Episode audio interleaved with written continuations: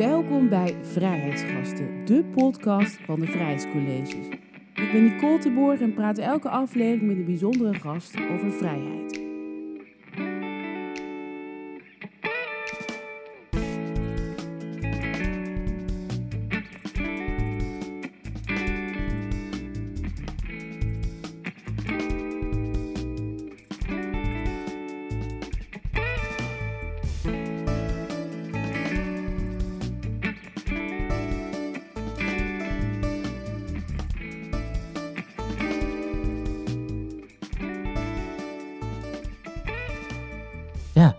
Wat, in hemelsnaam is er aan de hand?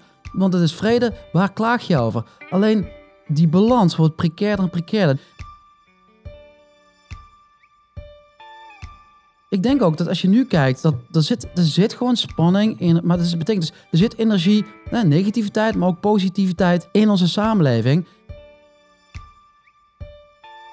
Twee verantwoordelijkheden. Eén is, dat, komt hè, dat je de bereidheid hebt om je te verantwoorden voor je daden die je gaat doen. En de tweede is dat je de bereidheid hebt om je te verantwoorden voor de daden die je hebt gedaan. Officier in de rang van luitenant-kolonel van de Koninklijke Landmacht, onderscheiden met de Militaire Willemsorde en de Bronzen Leeuw. Tegenwoordig is hij docent krijgswetenschappen. Vandaag is de gast Gijs Tuinman. Welkom. Ja, nou, heel blij om hier te zijn. Hele mond vol die introductie, toch? Jawel, maar dat is wie je bent, toch? Nou, ik ben meer dan dat. Hey, wie zijn de tuinmannetjes? Ja, tuinmans is een tweeling eigenlijk. Die komen van, eh, heel, heel, heel vroeger komen ze vanaf de Molenberg in Heerlen. En eh, eigenlijk opgegroeid, eh zoals 18 jaar. Ik heb mijn tweelingbroer Joost. Opgegroeid eh, in Valkenburg. Op een oude boerderij waar mijn vader en moeder ooit gekocht hebben. En dan zo'n, ja, wat is het? Zo'n bergweide, zeg maar. Met uitzicht op de Wilhelminatoren. En dan een bos erachter, waar we nou, eigenlijk altijd wel buiten gespeeld hebben. En, En jullie werden de tuinmannetjes genoemd. Kijk, de grap is, is we hadden het er net over, hè, over eh, tweelingen. Ik heb hier ook eh, mijn tweeling eh, bij me. Je zei zelf dat je ook een tweeling hebt. En ook, was je nou ook van een tweeling? Ja, ik ben, ik heb- ben ook deel van de tweeling en we hebben zeven tweelingen in de familie. Ik heb een, twee dochters die ook tweeling zijn. En jij hebt dus een tweeling en je bent tweeling. Ja, klopt. Maar kijk, de grap is, als ik aan jou zou vragen, je zou mij, mij en mijn broer Joost hier zien, zou je zeggen, oh, jullie zijn twee druppels water en in je gedrag ben je eens hetzelfde. Terwijl ik zie alleen maar het verschil. Dus ik ben, ik zal altijd zeggen, ja, nee, we lijken niet op elkaar. Nou, als ik naar mijn eigen kinderen hier kijk, dan zeg ik, ja, nee, ze lijken niet op elkaar. Feline zit hier te spelen. Die is eh mijn tekenen en? En? La- ja, Lara. en Lara. Ja, en, en Sam, eh, ik kan nu Sam doen dus. Ja, die, die zijn erbij. Ja. Zij zitten op de basisschool. Jij hebt ook op de basisschool gezeten, terwijl je dus linkshandig bent. Hoe was dat? Kijk, eh, dat is wel, wel een goede vraag hoor. Ik zat op de, de broederschool, dat is een prima school, maar was wel van het, eh, het eh, klassieke en het, ehm, ja, hoe zeg je dat? Het ouderwetse model. Ja, dus zegt, de naam zegt wel broederschool. Dus ik moest altijd rechtshandig schrijven en daar had ik wel wat, wat last mee. En eigenlijk wat het voor mij gedaan heeft, uiteindelijk, uiteindelijk heeft het me heel veel gebracht. Maar op dat moment was het wel vervelend, omdat alles wat te maken heeft met zelfvertrouwen, dat wordt ongeveer de grond ingetrapt. Dus nou, Dat werd bij jou de grond ingetrapt, want jij moest met rechts schrijven terwijl je links bent. Ja, dus ik moest met rechts schrijven. Dus eh, mijn eh dictaatjes en zo, dat, was, eh, dat werd allemaal niks.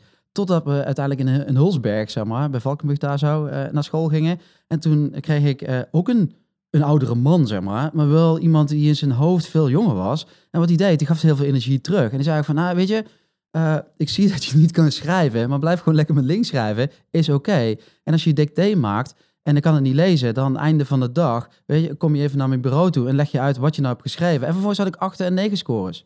Maar voor die tijd moest je dus met rechts schrijven. Ja, Wat deed dat dan met je zelfvertrouwen?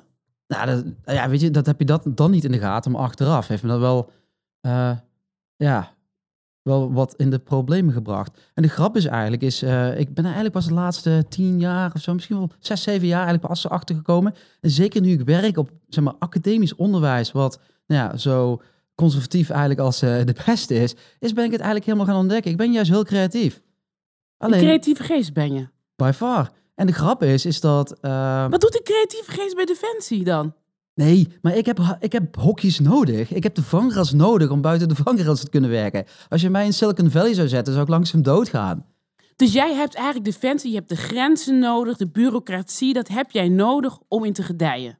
Ja, Ja, want anders denk ik dat ik, was ik vandaag sowieso niet hier geweest. Dan had ik waarschijnlijk hier morgen of gisteren gestaan. Leg dat eens uit. Wat is dat dan? Je hebt een bepaalde beperking van vrijheid dus nodig om te kunnen bloeien of zo. Is dat het? Ja, kijk, en met, eh, ik heb dus best wat eh, operaties, speciale operaties, zeg maar, mogen leiden in nou, verschillende plekken in de wereld. En eh, nou, wat ik daar eigenlijk tegenkwam, en wat ik ook altijd met mijn team zei, is van, nou, weet je, en speciale eenheden, die zijn, dat zijn vrije geesten, want je hebt te weinig middelen met te weinig mensen en je gaat naar een plek toe waar je altijd, misschien altijd outgunned bent. Dus er zijn meer van de vijand dan dat jij bent en die hebben zwaardere wapens. Dus je zit altijd in een underdog positie. Dus dan moet je altijd creatief zijn, eh, adaptief, eh, je kunnen aanpassen, maar ook altijd op zoek zijn naar iets nieuws. Hè, iets wat, nog, wat de ander nog niet heeft gezien, zeg maar. En dat kan je uiteindelijk dat voordeel bieden. Maar wat ik altijd tegen mijn team zei, van ja, maar je hebt, je hebt een blauwdruk, je hebt een plan nodig. Je hebt een blauwdruk nodig om er vanaf te kunnen wijken. Ja, maar leg nog even uit. Jij zegt, Ja. ik ben een creatieve geest. Dat denk ik. Dat denk je. Ja, dat is een ander om te oordelen. Maar Dat is, goed. maar goed, dat is, wa- dat is hoe jij dat ervaart. ja. En je zegt, Defensie was mijn plek. Dat is de plek waarin ik, zeg maar, goed, goed zit. Wat is dat dan? Nou ja, kijk, ik denk wat, wat ik nodig heb is wel een bepaalde mate van structuur. Als je nou wat ik bedoel. Ik zie het met mijn kids ook. Is dat wij zijn best wel een vrij eh, gezinnetje zo met elkaar. En eh, ik heb geen regels van eh, zoveel uur schermtijd of zo laat moet je naar bed. Ze gaan natuurlijk wel op, op tijd naar bed. Maar het is niet van kwart voor acht of zo ga je naar boven. Dat soort dingen niet. We hebben eigenlijk één gouden regel. En onze gouden regel is dat je moet meebewegen. Dus als je meebeweegt, dan kan echt heel veel. Go Nou, with the flow. Ja, en ik denk ook dat voor hun, en ik hoop dat ze dat, ja, nou, dat dat de les is die ik ze mee kan geven, of een stukje ervaring in, in die zin, is van, hè, er zitten heel veel dingen in, hè? dat je sociaal bewust bent, maar dat je ook omgevingsbewust bent, dat je eigen belang soms eh, ja, ondergeschikt maakt dan aan het belang van een ander, maar dat je eigen belang nooit per definitie ondergeschikt is aan dat van het team of van de groep. Want het, hè, snap ik, bedoel, dat zeggen we heel vaak. Bij Defensie is dat de, eh, Maar het gaat samen of zo. Het bij elkaar. het teambelang is belangrijker dan je eigen belang. In, in, in plaats en tijd klopt dat, maar over de lange termijn is het niet vol te houden. Dus het is continu eh, een geven en nemen. En ik denk dat dat, ja, dat, dat eh, En jij hebt dat dus ook. Jij hebt dat ook nodig. Je hebt die, die regels nodig waarbinnen jij je dus beweegt. En waarin je mee beweegt. ja, en de grap is, als je naar de krijgsmacht kijkt, eh, van de buitenkant eigenlijk, en ook een beetje van de binnenkant, is je moet je schoenen poetsen. Precies, dat denk aan opstaan, eh Ja, dat is- je staan. moet sowieso opstaan, maar, Maar ook opstaan. je moet, creatieve geest moet ook opstaan, anders doe je niks. Nee, maar schoenen poetsen, eh, eh, weet je, je moet... Maar kom je er niet tegen opstand? Ik wil Ja. geen schoenen poetsen. Maar ik kom ook in opstand. Dus ik doe het toch gewoon niet. En aan de ene kant sluit dat allerlei wegen op, op je carrièrepad. Hè? Maar achteraf ben ik meer en meer in de overtuiging dat dat ook niet de wegen zijn waar de fit zit tussen de organisatie, de mensen die er werken en mijzelf. Ja, maar toch, Ja. in 2012 nam deze doorgewinterde eh elite-militair ontslag bij Defensie en ging hij het bedrijfsleven in en werd hij consultant. heerlijk. Ik heb een goede tijd gehad. Ja? Maar je bent wel teruggegaan. Waarom ging je terug? Ja, maar wil niet zeggen dat ik over twee jaar weer iets anders ga doen. Hm. Nee. Maar er waren bezuinigingen, dus je, je bent toen eh, ergens anders gaan kijken, met het bedrijfsleven gegaan en je hebt ontslag genomen bij Defensie. ja. En je noemde het een wake-up call, het bedrijfsleven. Waarom was het een wake-up call? Nou, kijk, nog één stap terug. Ik denk, wat ik, wat ik sowieso in geloof, eh, is dat eh, wat, waar uitdagingen zitten, is werken met je handen en je hoofd. Eh, dus waar ik niet in geloof, heel hard gezegd, ik geloof in het, het hardcore consulting life, geloof ik niet. Waarom? Omdat als een externe een probleem oplossen voor een ander, wat vaak in, jouw, in, in zo'n organisatie, in de, de, va, de vaten en venen en het hart zit van zo'n van zo'n bedrijf, en dan het plan neerleggen en dan weggaan. Nee, de echte uitdaging komt om met die mensen zeg maar, die verandering teweeg te brengen. Dus ik denk, dus dat is het, dat is eigenlijk altijd. En voor mij zat ik eh, in 2011 of zo op het niveau van de uitzendingen, was even gestopt, hè, want het kabinet was gevallen en dat soort dingen meer. Dus de omgeving veranderd. En Bezuinigingen? hè? ja, ja, ja, ook, ja, zeker weten, ja. En dus voor mij was dat even geen, eh, was, het, was het hoofd, maar geen handen. En toen dacht ik, nou, weet je, eh, dan gaat het, en, en de krijgsmacht gaat altijd over veiligheid en dat soort dingen meer en vrede. Maar het is niet alleen de krijgsmacht die voor, vrede en veiligheid staat. Ja, dus ik dacht van, nou, weet je, je kunt het ook vanuit een hele ander perspectief kunt bekijken. Ik heb toen bestuurskunde gestudeerd in Leiden en daar kwam ik ook wat dames tegen die hè, vanuit NGO's, vanuit allerlei andere entiteiten, maar ook vanuit de, de rechtspraak. Maar die hadden ook, ja, wij doen ook wij werken ook voor vrede en veiligheid. Dus toen dacht je, ik ga daar kijken wat daar is, dacht je. Ja, eh, ik, ik zei al van, eh, dat, dat, dat zijn voor mij de dingen die, die me bijblijven. Ja, dat is zoiets, it blows my mind. Hè, de- wereld is veel groter dan eh, je moet met een, eh, een, een grote hamer eh, en, een, en een wapen alles plat slaan wat niet gezind is. Waar voelde jij je vrijer? In het bedrijfsleven of bij Defensie? Nou, vind ik het wel een lastige vraag hoor. Goeie vraag. Maar ik denk dat, het, dat, het, dat ik achteraf, zeg maar, terugkijkend erop, me er allebei wel oké voelde. Maar ik denk wel dat, dat het, oh, misschien- ja, klinkt misschien paradoxaal, maar dat het ook heel veel op elkaar lijkt. Bij de krijgsmacht heb je, we zeggen altijd de drie-eenheid. Dat is je wapen, je radio en eh, je rugzak, zeg maar. Dus uiteindelijk ben je daar altijd mee op pad. En dan in een groepsverband of iets dergelijks. Nou, bij eh, Deloitte was het niet heel veel anders. Het was je telefoon, dus je laptop, je leaseauto. En uiteindelijk was je nog altijd in je eentje op pad. Begrijp je dat ik heel erg moet lachen nu? Maar goed, ja. En, ja. ja. Ja, nee, maar de- dus, dat was het wel. En wat ik wel vond is ehm, dat ik heb toptijd bij Deloitte gehad. eh, en wat jij zei, waar ik naar, waar op zoek was, hè, was it blows my mind, is het idee van veel Engels, een paar jaar even in Amerika gewoon, maar goed. Het is reinventing yourself. Je moet jezelf op een gegeven moment opnieuw uitvinden.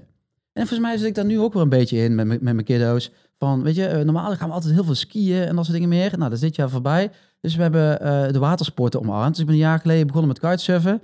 Nou, en af en toe ga ik niet naar mijn werk om wel naar het water te gaan. En eh, nou ja, dadelijk gaan we nog, eh, ja, voor, voor de kiddo's ook.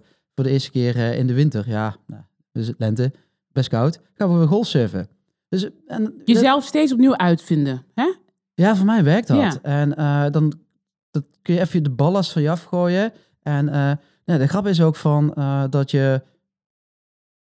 Nou, laten we zeggen. Je hoort heel vaak hè, met, eh, met eh, vrije onderwijs, Montessori en eh, Mark Lammers, eh, die, is het, die, die hockeybondscoach, heeft er een hele speech van gemaakt. Hè? Je moet investeren in datgene waar je goed in bent. Maar mijn vraag is dan, hoe weet je nou waar je goed in bent als je niet ervoor zorgt dat, dat je altijd exposure hebt aan andere zaken waar je... Waar Dus je niet- blijven proeven in het leven, aan de alles een beetje. ja, toch? Ja, goeie, goeie anekdote, of is het, eh, metafoor. Met eten is hetzelfde. Weet je, als ik Surinaams heel lekker eten vind, ik blijf altijd Surinaams eten. Nou, of je mazzel, het blijft altijd lekker, of je gaat, je gaat een keer tegenstaan. Ik durf, maar, ik durf een weddenschap aan als jij ook Pakistaans en andere eh, flavors en smaken erbij gaat pakken en dat Surinaams een keertje la- eh, een paar weken laat staan en, en je gaat dan weer terug naar het Surinaams, dat je smaken gaat herkennen in het Surinaamse eten, wat je van tevoren nooit Dus je ging terug, even terug, analogie, dus je ging terug naar Defensie. En toen zag je weer andere dingen. Dus ik, ik kwam uiteindelijk weer eh, terug bij Defensie. En, nou ja, lang verhaal, maar... En ik dacht van, weet je, dit bedrijf is hem niet zo heel slecht. Er zitten best wel dingen in die, eh, die best wel cool zijn. En weet je wat nou cool is? Is het idee dat je ergens naartoe opwerkt. Eigenlijk een soort sport. Je traint ergens voor. Dus je hebt een opwerkperiode. Dan ben je ervan. En dat doet bij Defensie is het ook. Je werkt op. Dan heb je een uitzending. Of dan heb je een stand-by periode. Of een hele grote Mm. internationale oefening. Je piekt. En daarna bouw je af. Je gaat weer terug naar jezelf. Dat noemen ze de individuele periode. Dan ga je weer werken aan jezelf, aan je eigen specialismes. En dan, dan niet weer met hetzelfde team. Hè? Maar dan bouw je weer een nieuw team op. En dat maakt jou ook sterker. Je bouwt een nieuw team op. Je werkt weer op naar een piekpunt. En vervolgens bouw je weer af. Je hebt een vrijheidscollege gegeven. Wat ik ook mooi vind, is dat je ook die verschillende oogpunten gebruikt. Die jij ja, tot je hebt genomen. Ja, vinden mensen heel lastig, hè? Ja, ik vind het niet lastig. Eh, dat is goed. We gaan eh, luisteren. Jij was dus in november vorig jaar gaf je in het eh Maciek Memorial in Breda een vrijheidscollege. Laten we luisteren naar een fragment. Mijn gevoel van vrijheid heeft dus gek genoeg niet per se te maken met vrijheid of oorlog. Nou, misschien juist wel met oorlog, maar niet per se met vrede.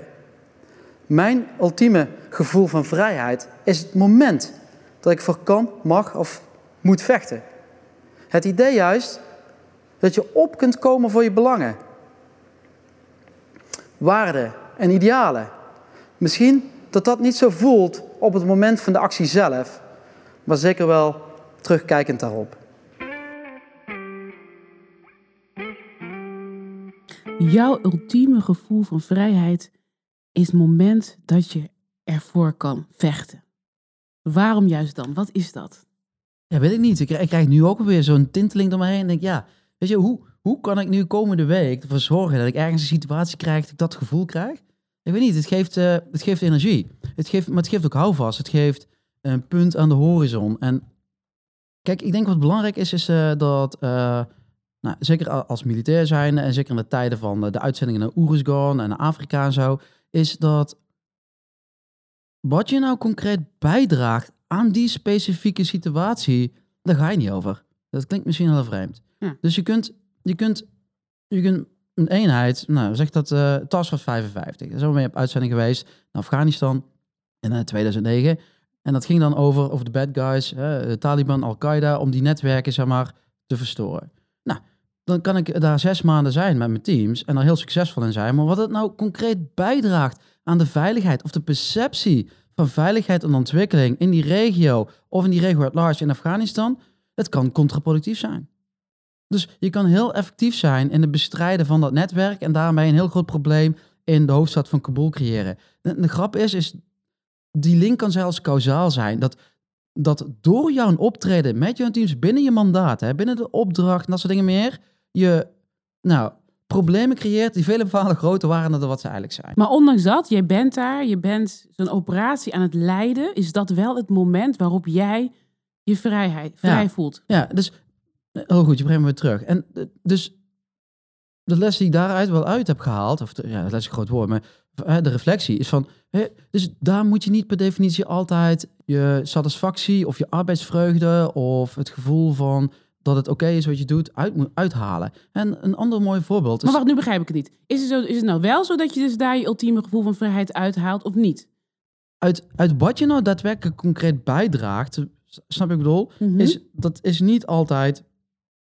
eh, Dus het grote plaatje, da- daarvan weet je niet zeker of je uiteindelijk bijdraagt. Het kan zijn dat je het zelfs erger maakt of in het grote geheel. ja, dus, dus waar maar je... maar het moment zelf? Het gevoel, zeg maar, dat je wel ergens aan bijdraagt, zeg maar, in het moment dat je ergens voor kunt strijden, dat je ergens jouw ziel en zalig. Het klinkt misschien heel raar, maar dat, dat je iets van jezelf erin legt. Maar ook, en dat, vaak is het energie of tijd, maar dat is mijn één ding schaars, dat is tijd, hè, en daarna energie, maar goed.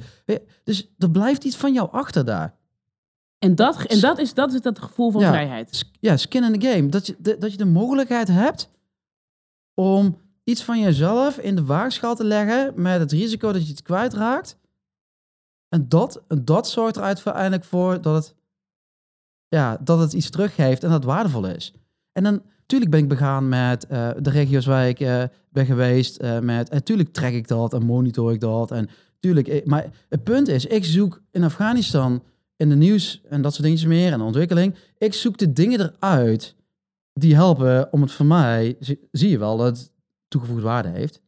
Dus ik ben, snap je wat ik bedoel? Ja. Ja, maar de, vra de vraag is, is dat of dat werkelijk zo is? Kijk je nu anders erna, naar die, naar die missies? Vanuit nu, bedoel je? Mhm. Nou, niet, niet in de zin dat ik zeg van dat had je niet moeten doen en dat soort dingen meer. Eh, Dat vind ik helemaal niet relevant. Maar wel van, eh, nou kijk, eh, wat ik denk is dat er wel toegevoegde waarde is. Ik, wat ik denk dat die dingen wel relevant zijn. Kijk, wat ik ook denk is dat je de vraag kunt stellen, ja, wat nou als je niet was gegaan? Ja, dat is één groot vraagteken, maar dat is een, een soort nulhypothese die je nooit kunt toetsen. Mis je het? Het lijkt mij, ik heb je vaak over horen praten. Je hebt animaties gezien van hoe je dan zo'n operatie leidt. Eh, echt op het moment moet reageren. Die flexibiliteit waar je het eerder over had. Mis je het niet? Ja, dat, ja, ja, tuurlijk wel. Ik heb met, de meeste van die jongens hè, en ook nog wat, eh, wat, wat meiden die in die ondersteuningsteams zaten, nog wel contact. Vaak de meeste wel. En eh, nou, een goede maat van me, Phil, eh, die eh, is eigenlijk een Canadees met een Nederlands paspoort. Die heeft al met teams gezeten. En die is uiteindelijk weer terug naar Canada gedaan. Die zit daar in de aardappelveredeling, heeft een leuk bedrijf en zo. En die belt dan op, een, jaar of drie terug. Zeg, Gijs, je gaat terugkomen. Eh, Oké, maar weet je, de vraag is, wat je zoekt, is een bepaalde mate van nostalgie. En datgene wat je zoekt, ga je waarschijnlijk niet terugvinden. Dus je vindt iets anders terug. Dus de vraag waar je, daar, je op zoek bent, of dat, precies wat je zegt, wat je mist. Kon je ik- hem dat uitleggen? Jawel, ja, hij is niet teruggekomen. Ja, was, was, was, was overredingskracht had je. Ja, weet ik niet, maar het scheelt mij weer, want dan kan ik mooie dagen skiën van de, van de winter. Ehm, het, het Vrijheidscollege is natuurlijk terug te zien eh, online. eh, maar nog even in het college onderzoek je de concepten oorlog, vrede en vrijheid aan de hand van drie verschillende invalshoeken. De krijgswetenschappen, de ervaringen van jou als hè, de ervaring van veteranen moet ik zeggen. En je eigen ervaringen tijdens eh, de missies. Laten we luisteren naar een verhaal over een veteraan. In januari 2015 leerde ik Piet van de Hoek kennen. Piet kreeg toen zijn militaire Willemsorde in, a- in 1948. Net na de Tweede Wereldoorlog van de toenmalige koningin Juliana. En Piet, Piet was een bijzondere verzetstrijder. Met een groep van 21 liniecrossers was hij tientallen keren in het geheim en met gevaar voor eigen leven de Biesbos doorkruist. Om verbinding te onderhouden tussen het bevrijde deel van Nederland, Brabant, en het nog bezette deel, Zuid-Holland. Via dit gebied, dat alleen voor de kenners eh, begaanbaar was, werden mensen, medicijnen en goederen naar de overkant eh, gesmokkeld. Voor Piet was het de normaalste zaak van de wereld. Hij zei erover tegen mij: Het hoorde er gewoon bij. Ik was een crosser. Zo'n eh, gesprek met verzetstrijder eh, Piet van den Hoek. Ja, wat, wat deed dat met jou om zo met hem te praten? Hij heeft de oorlog meegemaakt. Jij weet hoe het is om in een oorlog hè, te vechten. Is, is het anders om met zo iemand te praten dan met gewone burgers zoals ik bijvoorbeeld? Nou, ik weet niet of dat, dat het verschil is, maar die eh, ontmoeting met Piet van Hoek was wel bijzonder. Dus ik had die Willemsorde gekregen ergens, volgens mij was het een, een Sinterklaas cadeautje, volgens mij was het 4 december.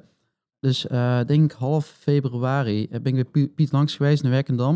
En dat was toen al eh, ja, best wel fragiel, zeg maar. En uiteindelijk twee maanden later is hij ook overleden.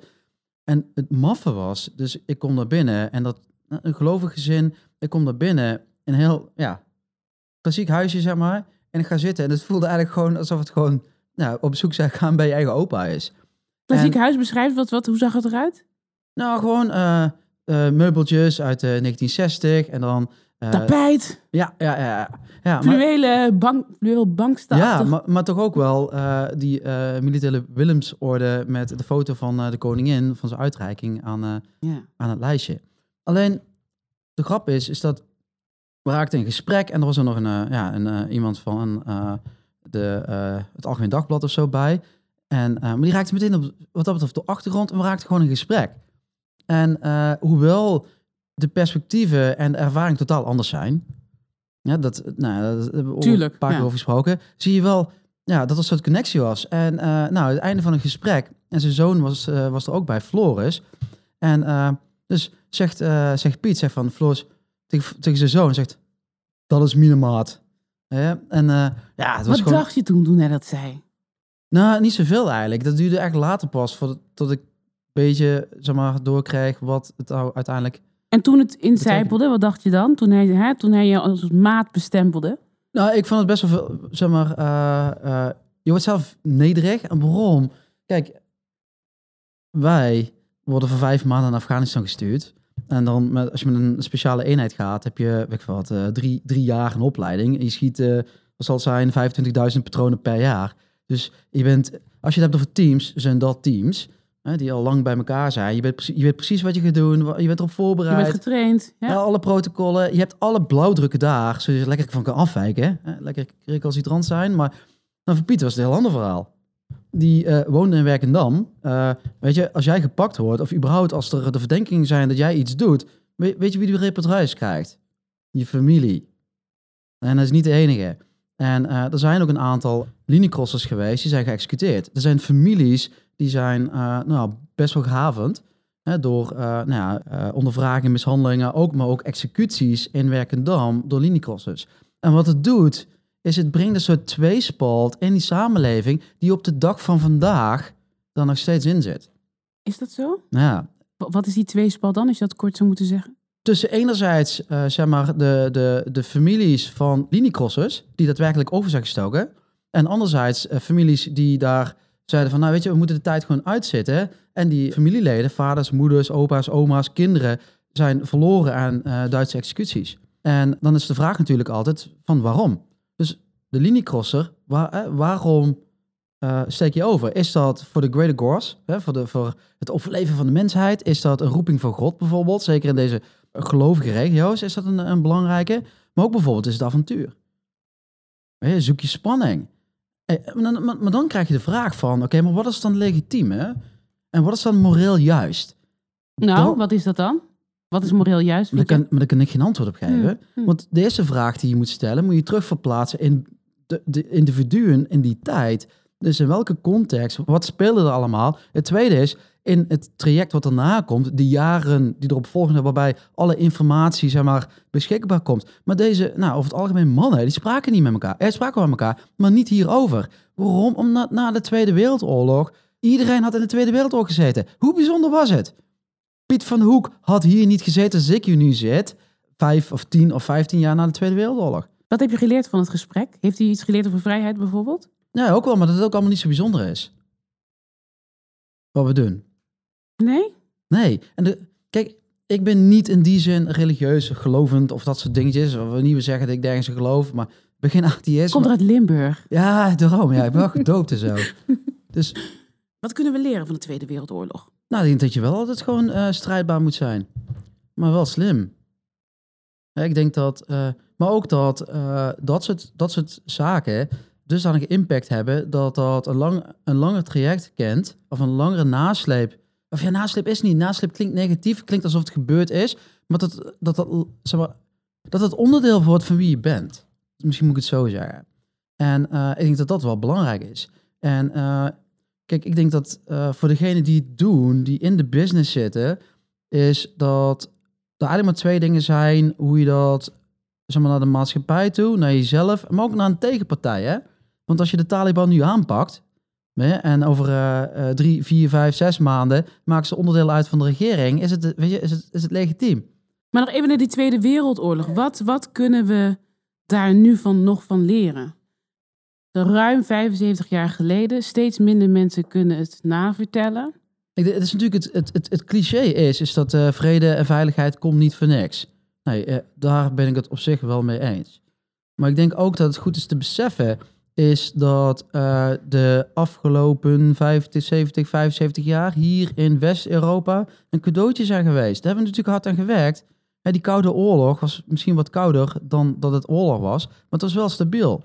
En kijk, waarin ik geloof, en volgens mij hebben we het over gehad, is dat vrede is het, de precaire balans, het evenwicht tussen oorlog aan de ene kant en oorlog aan de andere Dat kant. heb je heel mooi verteld in het Ja. college. Laten we luisteren.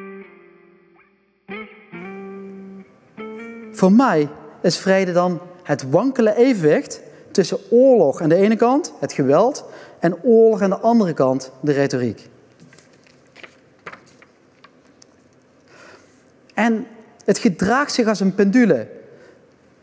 Met oorlog aan beide zijden, waarbij de vrede in het midden hangt. Met een klein duwtje in onbalans raakt en we zwaaien van links naar rechts.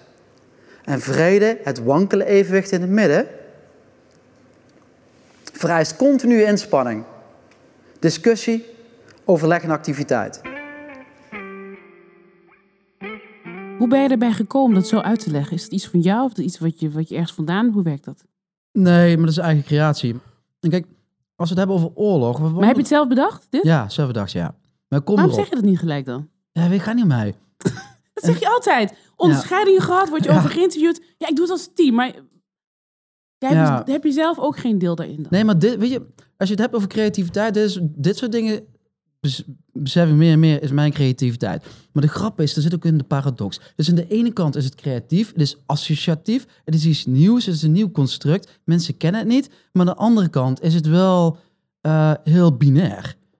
Als je nou bedoelt.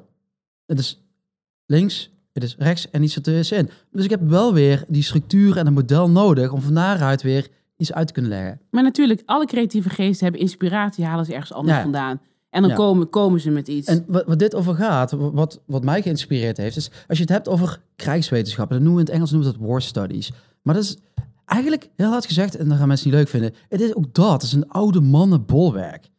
Hè? Waarbij we hele traditionele sociale eh, theorieën en wetenschappen van hoe mensen ten opzichte van elkaar werken, hoe psychologie werkt, maar ook eh, NLP, neurolinguistisch programmeren, wat volgens mij één groot uh, kulverhaal is. Eh, maar goed, eh, dat zijn dat soort dingetjes. Maar wat ik wil zeggen is dat bij de ervaringen die ik heb, met de mensen die ik heb gesproken, en als je dan kunt bouwen op de ideeën, de kennis en inzichten van anderen, want dat is wetenschap, hè? Dat je bouwt op de kennis, ideeën en inzichten van anderen en daar inspiratie uit haalt, kom ik uiteindelijk uit bij uh, Hegel, en dat is eigenlijk Immanuel Kant, uh, filosoof. En de grap is, dus dan komt hij, en misschien dat het wel ver gaat, is dat hetgene wat jou maakt tot wie je bent, is datgene wat jou maakt tot wie je niet bent. Dus hetgene wat definieert dat dit bijvoorbeeld een fles water is, is hetgene wat definieert dat uh, het tafeltje het niet is. Dus wat, waar Immanuel Kant en ook uh, Hegel en dan heb je uh, binnen de woordstudies heb je dan Karl van Clausewitz, dat is dan de grote krijgswetenschapper, filosoof, die heeft het dan ook over. Dat is dialectisch. Zelfs in NPO 1 is er een programma over. Ik ben de naam kwijt, maar het gaat over dialectische dialoog. En daar gaat het over dat, dat het niet over gaat om het, zeg maar, de waarheidsvinding in de zin van: oké, dit is een flesje water omdat er water in zit en een dopje op staat. Sterker nog, dit is een flesje water omdat erop staat dat het van spa water is. Nee, wat om gaat is dat, nou, als dit water is, laten we eens kijken wat er geen water is. dit, dit en dit zijn dingen die niet water zijn. Dus als je het hebt over vrede, de eerste vraag die je moet stellen, wat is dan geen vrede? En dan wordt het lastig. Probeer maar eens, probeer maar eens voor maar, te... je, maar kan je, dat, kan je dat uitleggen? Wat is geen vrede? Nee, ik vind het heel lastig om uit te leggen.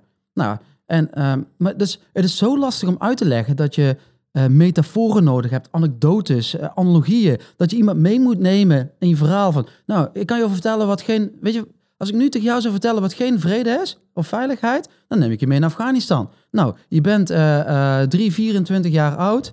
Uh, je vader is wat ouder. Je woont in een leemhutje daar zo. En eigenlijk is alles wel pais en vrij. Hè? Je hebt wat water, je hebt een paar amandelbomen. Nou, de Taliban, nou, je hebt nog wat papaver groeien daar zo. Wat maakt jou het uit, hè?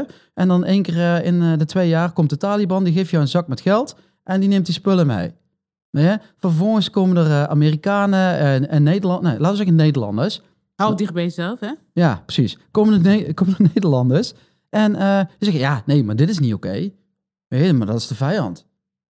En in principe Het is klopt subjectief. Dat. Het is ja, allemaal in principe subjectief. klopt ja. dat. En vervolgens, weet je, nou, zegt de Taliban, ja, maar ik wil dat je voor mij werkt en niet de informatie vertelt aan, aan die Nederlanders. Nou, en vervolgens uh, ligt er een, een, een zo'n geïmproviseerde explosief in de, in, in de grond. Nou, dan rijdt iemand op van ons of we vinden hem. Oh, dat is dus echt wel de vijand. Nou, hoe zien ze eruit? Ze zien er sowieso in uit. En vervolgens pakken we de helikopters, we vliegen erin en het wordt één grote puinhoop. En vervolgens, die jongen van, of, of die meid van 3, 24 jaar, die denkt, oh, dit gaat de verkeerde hand op. Ik ga in die grot zitten. Dat heb ik ook gedaan toen de Russen hier waren. Of mijn vader en moeder hebben dat gedaan toen de Russen hier waren. Ik zit in die grot. De Taliban duikt in jouw huis en wij gaan je huis plat allemaal legitiem, hè? Is allemaal in lijn met Genève, maar weet je, ook, ook weet je, dat is... Uh, het, is al, ja, het, is het is allemaal subjectief, zeg je eigenlijk. Wie, ja, maar dat, ja, hè, ja. dat is dus geen vrede, toch? Je, je hebt het over het wankelende uh, evenwicht hè, in het midden. Ik, als we nu naar Nederland gaan, waren net Afghanistan, ik wil even naar Nederland. Waar zitten we nu?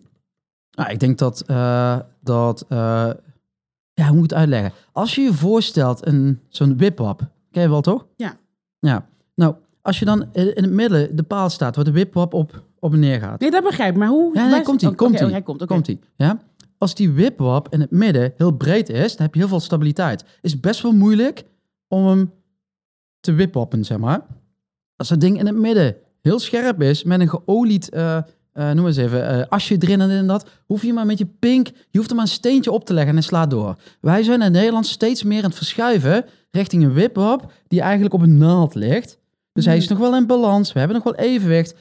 Dus ons gevoel, dus als je naar die wipwap kijkt, zegt, ja, wat, wat in hemelsnaam is er aan de hand? Want het is vrede, waar klaag je over? Alleen die balans wordt precairder en precairder. Die wordt, die, je kunt hem, zeg maar, dat noemen ze punctuated equilibrium. Je kunt, hem uit balans, je kunt hem uit balans brengen door ja. steeds kleinere interventies. Maar dat niet alleen. Je kunt hem ook uit balans brengen door dingen die niet voor jou komen. Of die dingen uh, die, zeg maar, uh, uh, buiten jouw macht ligt of buiten je scope liggen van een overheid, een samenleving. En dat is wat er aan de hand is in Nederland.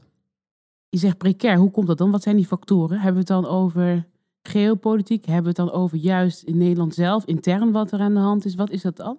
Nou, wat ik in geloof, als je, als je zegt, als je het hebt over geopolitiek en je hebt het over wij als individuen en dan de samenleving als derde element ertussen, hè, dus heb je dan principle of agent principle en, en een beetje de metapositie, hè, is dat, dat je kunt dingen met elkaar compenseren. Ja? Dus, dus als geopolitiek zien we dat wat zaken aan verschuiven zijn. Oh, ook daar kun je over reden twisten. Maar laten we even aannemen dat zaken aan het verschuiven zijn. Dat kun je absorberen door een ja, een soort anti-fragile, maar een robuuste en een resilient samenleving te hebben. Die mm. tegen een stootje kan. Dat betekent dat je als individu, zeg maar, daar iets van jezelf, je moet skin in the game hebben, iets van jezelf en terug kan leggen. Maar tenminste, als je het mij vraagt, wat we nu meer en meer zien, is, het is niet eens de geopolitiek. De geopolitiek is de afleiding. Hmm. Dus dat, Wat is het dan? Wat nee, is we het? zijn het zelf. Hmm. We zijn het zelf. En we- Individualisme? Ja, maar individualisme is helemaal niet zo heel verkeerd. Maar wat is het dan? Ik wil, wil weten wat het dan is. Wat ervoor zorgt dat het allemaal precairder aan het worden hier is in Nederland. En dat we een beetje meer wankel zijn. Nou, kijk, ik, wat, nou, wat, wat, wat, wat ik in dat college ook aangaf, is dat als je je zeg maar, vrede en veiligheid beschouwt als een, die precaire balans tussen zeg maar, eh, die andere uitersten, zeg maar, dan betekent, maar dat wil ik ook zeggen, het takes hard work om daar te blijven. We zo- moeten hard werken. Ja, we moeten is- hard aan de bak. Ja, zelfs met topsport. Hè. Eh, eh, Pieter van de Hogeband, weet je, één keer Olympisch kampioen worden is allemaal leuk en aardig. Maar dat drie, vier keer achter elkaar worden, dat is Hmm. een totaal andere ballgame. Dus het feit dat je dat het. Dat het Het is also time. Het is ook tijd. Hè? Ja. Maar- ja. wij moeten als, als individuen, maar ook als samenleving, veel meer, eh, ja, luister, veel meer skin in the game hebben en veel harder werken om datgene te behouden wat je hebt. We moeten vechten voor de vrijheid. Eh, ja. Ja, Ja. Zo, ja, ja, zoiets. En, dat is, weet je, en de grap is, dat is voor iedereen anders. Ik kan niet vertellen hoe dat moet. Of wat je moet doen, of wat je wel of niet kunt doen. Ja. En eh, kijk, wat, enige wat ik probeer te doen is, als ik kijk naar mijn overlevering, is van, je moet wel in bepaalde mate, moet je, eh, zeg maar, mee kunnen bewegen. En meebewegen is iets Die anders. flexibiliteit waar je het Ja, maar, over had. maar nu komt hij, hè. Is, de, het, het de belang van de samenleving kan nooit oppressief, hoe zeg je dat, ten koste gaan van het belang van het individu. Maar ja, dat over individualisme, wat hè, het negatieve aspect van individualisme is, is dat het belang van het individu ten koste gaat van dat van andere groepen of van de samenleving. En ik denk dat, Spanningsveld, ja. ja, maar die spanningsvelden, Ja. we hebben het over gehad over energie, hè. Wat geeft, wat geeft energie? Is als er ergens spanning tussen zit. Wat geeft warmte? Als er ergens wrijving tussen zit. Dus het is oké, want daaruit ontstaat. Ja, dit is oké. En kijk, weet je, ik wil niet veel over politiek praten, daar gaat het helemaal niet om. Maar ik geloof er wel in, is dat wat je nu ziet, dat er hier en daar het in de samenleving schuurt. Dan moet je niet plat slaan. Je moet, je moet kijken van, hoe, hoe kun je dat kanaliseren? Want we hebben in Nederland nu, met de frictie, of dat nou coronamaatregelen zijn, Ja. of hè, eh, eh, Black Lives Matters. Ja. Er zijn een aantal schuurplekken in onze samenleving, ook over huizen en jongeren hebben geen kans. Dus dat geeft energie. Hè, De jaren zeventig, ik weet niet, eh, ik zat er van een week nog naar te kijken. hè. Het stond heel Amsterdam hier stond op zijn kop. Het waren Ja. de hippies. En eh, er werden universiteiten werden gewoon dichtgezet, werden gewoon overgenomen voor maanden. Ja. Jaren tachtig, Ja, wa demonstraties. waterkanonnen, gevechten met de ME tegen je eigen mensen. Dat is allemaal niet goed in plaats en tijd. Maar als we nu terugkijken, het heeft ons wel bepaalde mate Het van... levert wat op. Kan wat opleveren. Ja, Ja. dus ik denk ook dat als je nu kijkt, dat er zit, er zit gewoon spanning in. Maar dat betekent dus, er zit energie, eh, negativiteit, maar ook positiviteit in onze samenleving. En het is aan ons om die te kanaliseren tot iets wat meer is dan alleen eh, destructie. Nou, Nederlanders ervaren nu ook hè, door coronamaatregelen een beperking hè, van bepaalde vrijheden. Je hebt natuurlijk gewerkt in heel veel landen. Je weet hoe het is. Onvrijheid natuurlijk, vrijheid kunnen we over discussiëren. Wat zei Ik je vind een goed woord trouwens, onvrijheid. Onvrijheid. Ja. Maar hoe, hoe eh, kijk je in Nederland naar het gesprek eh, over vrijheid en onvrijheid? Vanuit jouw perspectief komend. Je bent in landen geweest waar het er stevig aan toe ging, om het even soft te zeggen. Ja, dat is een hele goede vraag. En kijk, het heeft allemaal te maken met de perceptie. Dus Maar hoe kijk jij ernaar? Nou, in verschillende lagen. En ik probeer dat uit te leggen. Dus als ik naar Afghanistan kijk, dus wat wij doen. Wij projecteren ons beeld van ontwikkeling, ons beeld van waarden en normen, ons beeld van waar je als mens recht op hebt. Hè? Op het gebied van onderwijs, op het gebied van zorg, op het gebied van veiligheid, op het gebied van ondernemerschap. Maar dat werkt niet altijd zo. Want wat nou als het perspectief van een samenleving of individu in een bepaalde regio totaal anders is? En dan gaat het niet over van, oké, de, toekomst kun je daar meer in betekenen. Maar wat belangrijk is, is dat je, moeilijk wordt, nou, ook een beetje kijkt naar de epistemologie. Dus, dus dat je teruggaat in de tijd en niet van, oké, het is deterministisch in de zin van, oké, maar jullie, jullie, hoor ik zeggen, wij en jullie, jullie komen daar vandaan, dus het is logisch dat je nu hier staat. Daar gaat het niet om. Maar wat wel om gaat is van, maar oké, eh, als wij met onze bril naar jullie society kijken, dan is ook de vraag van, oké, als ik nou, dat is lastig hè, probeer ik probeer me in te leven, empathie, in te leven in jouw positie en dan vanuit jouw perspectief ernaar te kijken. Is het dan zo slecht? En dat is de hele vraag als je het hebt over Afghanistan. Oké, voor, voor de Russische invasie. Ja, we zijn in 1979 geboren tot 1986. Of de Westerse invasie. Even afgezien van de Twin Towers. En, En soms wil ik wel naar Nederland, want ik wil weten wat je ervan vindt. Hoe mensen die er hebben over we zijn niet vrij, we worden beperkt. Zo. ja, dus ja, Maar ja. daar ga je naartoe. Ja, dus ja, ja en nee, nee. Maar mijn punt is daar zo, is dat je, je moet het allemaal in perspectief bezien. Als je gaat kijken naar de ontwikkeling, dan zie je dat zo'n regio wel in ontwikkeling zit. Dat het, maar dat het, dat het met, eh, met eh, geweld gepaard gaat, dat zaken meer. Allah. Maar je moet maar eens kijken naar onze eigen epistemologie, hè, hier in, het, in, in, in, West-Europa. Wist je trouwens dat West-Europa eh, zeg maar, het meest bloedige slagveld is door de tijd heen van wherever in de wereld? Hè, Mao Zedong, de, de, de Chinese leider, die daar hè, met zijn oranje eh, revolutie eh, nou, miljoenen over de kling heeft gejaagd, komt nog niet eens in de buurt. Maar wat zegt het ons, die gewelddadige tijd, dat dat hier is geweest? Wat zegt het ons? Wat moet het ons leren dan? Nou, dat, dat datgene wat we in Afrika zien, en wat we in Afghanistan zien en andere regio's, dat we dat ook in perspectief moeten plaatsen. Ik wil niet zeggen dat het iedereen recht heeft op zijn eigen genocide. Ik, alles behalve dat. Maar we kunnen niet oordelen, omdat we het hier... Bedoel je dat? dat we, Ja, maar de vraag is of je... Waarom zouden we oordelen? Waarom vragen we niet gewoon van... Dat klinkt dan simpel, hè? Van, oké, wat heb je nodig? Als uitgangspunt. Kijk, als je het hebt over... eh, Maar ik, ik, even nog één wat ik graag wil weten. Je bent een militair, niet zomaar eentje. Ehm, jij hebt gevochten, je bent naar eh, missies geweest. Was daar plek? Want ik zie hier echt een bevlogen iemand. Die een mening heeft, die alles ook theoretisch goed kan uitleggen. Was er daar, of is er daar, plek voor die mening? Want je wordt uitgezonden. En je wordt uitgezonden, je hebt niets te bepalen. Je, wel als je daar eenmaal zit, maar er wordt voor jou bepaald. Is er plek voor deze mening? Goeie vraag. En kijk, dat is weer dat in een krijgsmacht of überhaupt in overheidsinstanties, hè, ministeries, maar ook in grote eh, eh, eh, multinationals, is daar van huis uit geen ruimte voor. Maar dat wil niet zeggen dat je de frictie en de schuring en de energie niet moet opzoeken. Kijk, Heb je dat gedaan? Ja, ja zeker weten. Ik Geef eens een voorbeeld. Heel concreet voorbeeld. Eh, nou, weet je bijvoorbeeld, eh, wat wij doen normaal gesproken is dat wij ons eigen leven boven dat van een ander stellen. Dus wij gaan als militaire, Nederlandse militairen erheen. Dan moet je in een panzercontainer leven. Je moet in een gepantserd voertuig rondrennen. En eh, je, moet, je hebt dan een jammer, een hele grote radio die eigenlijk alle andere golven wegduwt. Dat soort dingetjes. Anders mag je niet de poort uit. Nou, we waren zo klaar mee. Dus dan heb ik gezegd van, weet je, we gaan we- een sniper, hè, dus die je op langere afstand kan, eh, ja, kan beveiligen eigenlijk. En een medic. Wat we gaan doen? Wat is een medic? Een, een, een medisch specialist. Oké, maar medic, gewoon ma- medic. Oké, Ja, English ja, word. ja. Oké, sorry. Mini- You were talking English. Oké. Ja, sorry, mini-arts. Alleen dan... Ik weet wat een medic is, maar ik was niet bezig met dat het Engels was. Ga verder. Ja, dat is mijn, mijn valkuil. Nee, dus weet je, we gaan het gewoon helemaal anders doen. De blauwdruk is dat we, weet je, eh, de insurgent eh, willen bestrijden. Dat doen we door een operatie te plannen, weken van tevoren, alle informatie verzamelen. En dan een plaats en tijd, boem, staan we er en dan schakelen we het uit. Ja, maar dat werkt niet. Om meerdere reden. Maar we nou, weet je we doen? We doen het helemaal andersom. Onze veiligheid, onze persoonlijke veiligheid, gaat ervan uit dat we samenwerken met de lokale autoriteiten. Dus de politie. Dus je zit dan op een of andere, eh, ja, het heette dan het pimple feature, omdat dat ja, zo'n grote bult was in de middle of nowhere. Er zat een gat in, dat is de politiepost. Dus we zijn er via via ingeslopen. Nou, weet je, in, eh, ja, laten we zo zeggen, eh, Afghaanse allooi, hè? Dus eh, dat je hetzelfde uitziet. We hebben er twee weken gezeten en hebben op een totaal andere manier. Dus Jij bent tegen de regels ingegaan. Tegen wat eigenlijk hoort. Als je daar ja, dat is, dat, is, dat is goed. Tegen wat hoort, zeg maar. Maar er komt hij. Ik weet niet of ik het al gezegd heb, maar ik ga een hoop dingen over, rond in mijn hoofd. Een leuk thema. Is dat je hebt eigenlijk twee verantwoordelijkheden. Die kinderen hier, jij, ik, tenminste dat vind ik. En zeker als militair.